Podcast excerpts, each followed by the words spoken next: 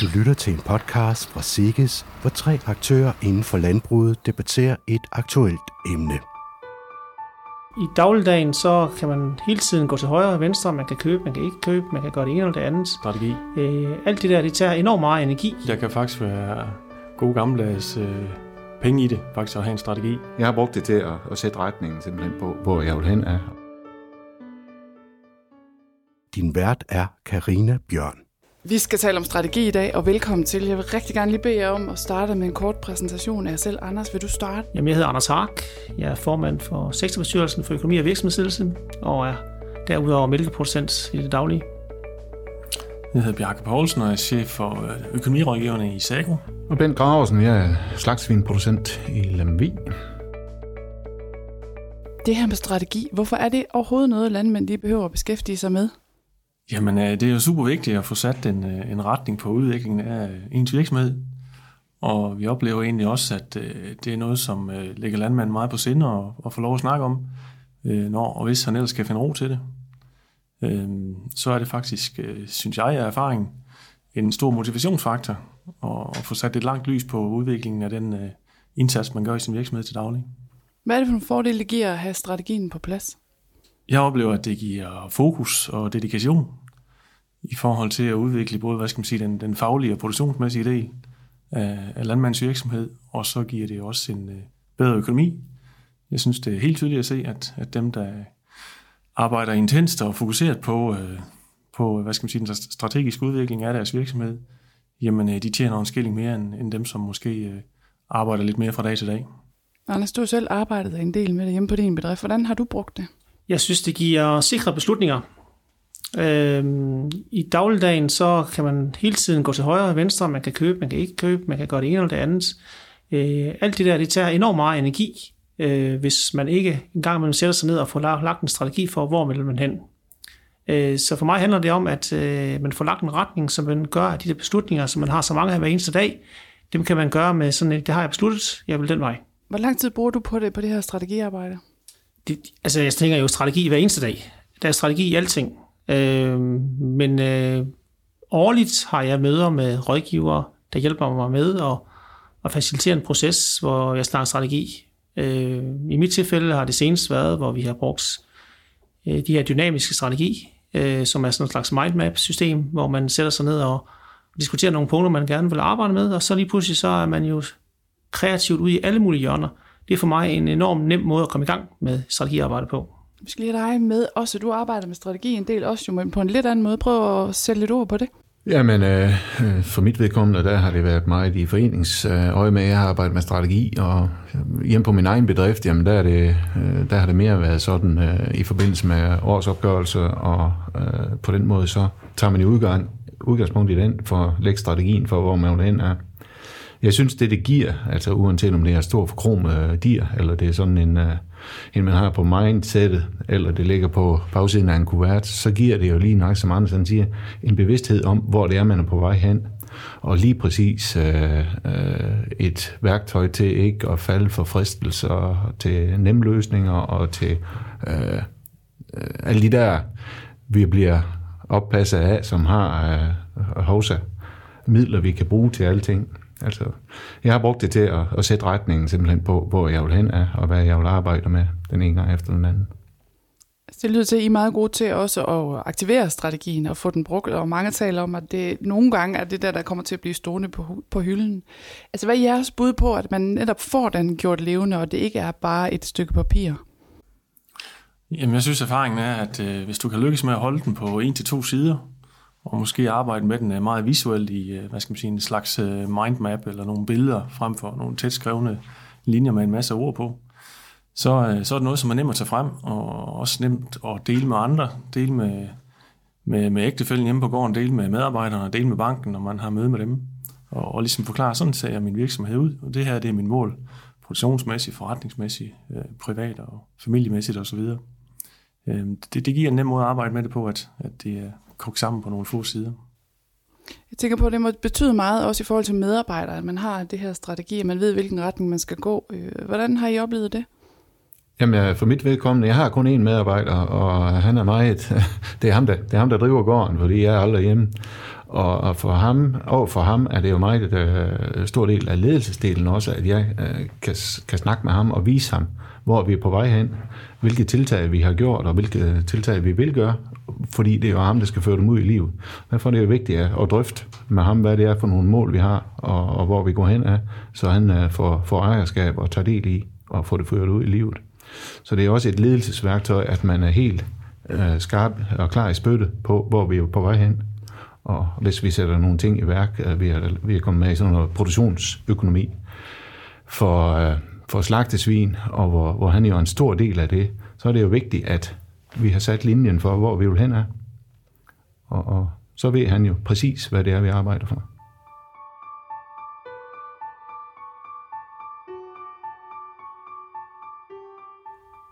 Vi har senest haft en øh, medarbejderdag, hvor vi har diskuteret strategien, men også har prøvet at sætte os ned og få lagt de værdier, som der gælder for min virksomhed, som gælder for de ansatte, jeg har. Øh, jeg havde selvfølgelig en plan for, hvor de skulle havne henne, men, øh, men nu har vi fået et fælles billede af, hvad det er for nogle værdier, der er vigtige. Det er vigtigt for min medarbejderstrategi. Det har været en rigtig god dag. Er der noget sådan, der, der er oppe lige nu strategimæssigt? Er der nogle nye vinde, der blæser? Hvad, hvad er det, der sker lige nu strategimæssigt? Jamen, jeg synes, hvis man sådan kigger fem eller ti år tilbage, så det, det der er en stor forskel nu, synes jeg, når vi snakker, snakker strategi med, med vores landmandskunder. Jamen, det er en, en, en lyst og et fokus til også at kigge på det, hvad skal man sige, den forretningsmæssige del af strategierne. Hvor tidligere, der havde vi nok tendens til at, at have meget produktionsfokus på, at nu skulle vi udvide forretningen fra det og det, rent produktionsmæssigt, fra 300 til 400 køer, og vi skulle have flere hektar og så videre.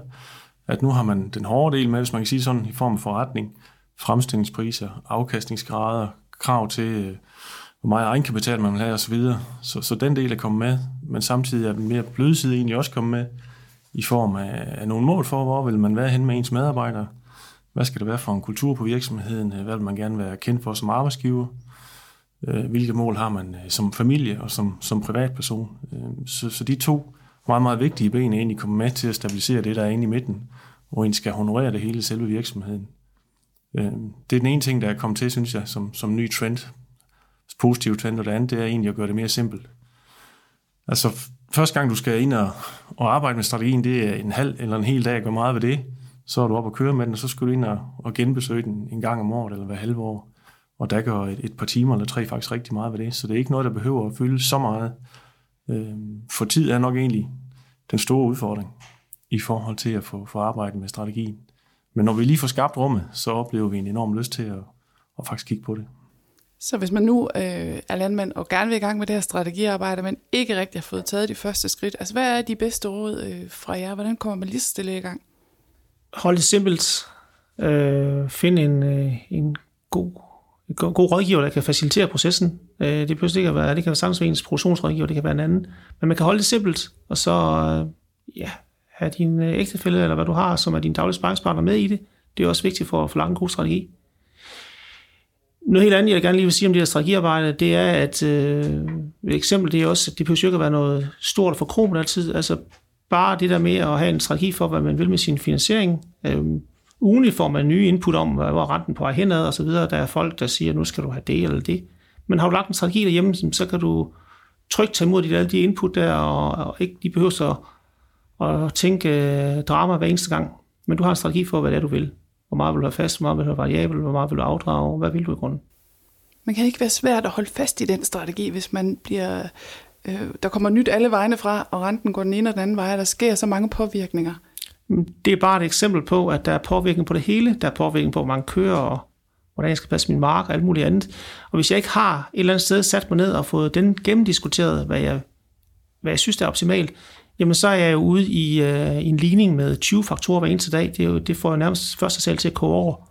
Så strategien er jo for at kunne give noget ro og sige, okay, renten er på vej op, men, men vi har jo egentlig også fastlagt, at vi har så så meget lagt fast. Så det har vi taget stilling til. Udover ro og retning, så, så vil jeg sige, at der kan faktisk være gode gammeldags øh, penge i det, faktisk at have en strategi. Så det er helt tydeligt, når vi øh, deltager ved bankmøder og snakker med finanssektoren i det hele taget, at der er et klart stigende behov og krav omkring, at, øh, at landmændene har en strategi.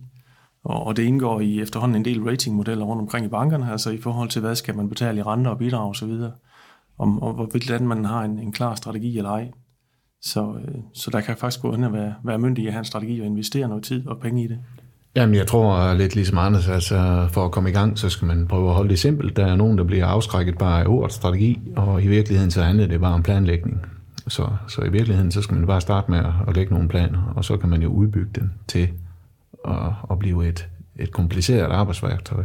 Men det, jeg synes, den er stor, der er stor virkning, og det er også derfor, den har værdi andre steder, det er jo, at den, den tvinger dig til at forholde dig til din bedrift, at du, du bliver tvunget til at få, få fingrene ned i, i ledelsen og virksomhedsledelsen og forretningsdelen, og så få noget, nogle målrettede planer, så du ved, hvor du går hen.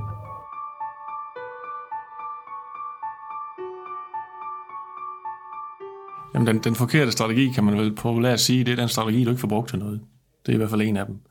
Og hvad er det for en strategi, du ikke får brugt til noget? Det er en, du ikke ligesom får gjort så praksisnær og så handlingsorienteret, at, at den ender på hylden. Så, så det, det handler om, det er, som, som Anders også nævner, at den er rimelig enkel, simpel og overskuelig, og at der er nogle hvad skal man sige, handlingspunkter, der ligger inden for, for rimelig nær fremtid, som du får gjort noget ved. For, for det er de handlinger og de resultater, der kommer ud af de handlinger, der skal give energien til at arbejde videre med den. For, for inden du ser, hvad skal man sige, konsekvenserne af strategien, inden kan du egentlig ikke vurdere, om det er en forkert strategi. Så, så den rigtige strategi, det er en, du arbejder med, og den forkerte, det er en, der, du ikke får arbejdet med. Man kan sige, men, men, men da jeg lavede en strategi om at få flere køer, kan jeg så sige bagefter nu, at det var det en klog strategi eller ej? Men, øh, men så tror jeg bare, at min nye strategi tager udgangspunkt i, hvor jeg havnet. Jeg, jeg skiller ikke tilbage, og jeg kan ikke bruge til noget, om det var en rigtig strategi for fem år siden. Jeg er der, hvor jeg er nu. Men jeg tror ikke, man skal gå tilbage og så lave strategien om, men man er der, hvor man er nu, og gå videre derfra.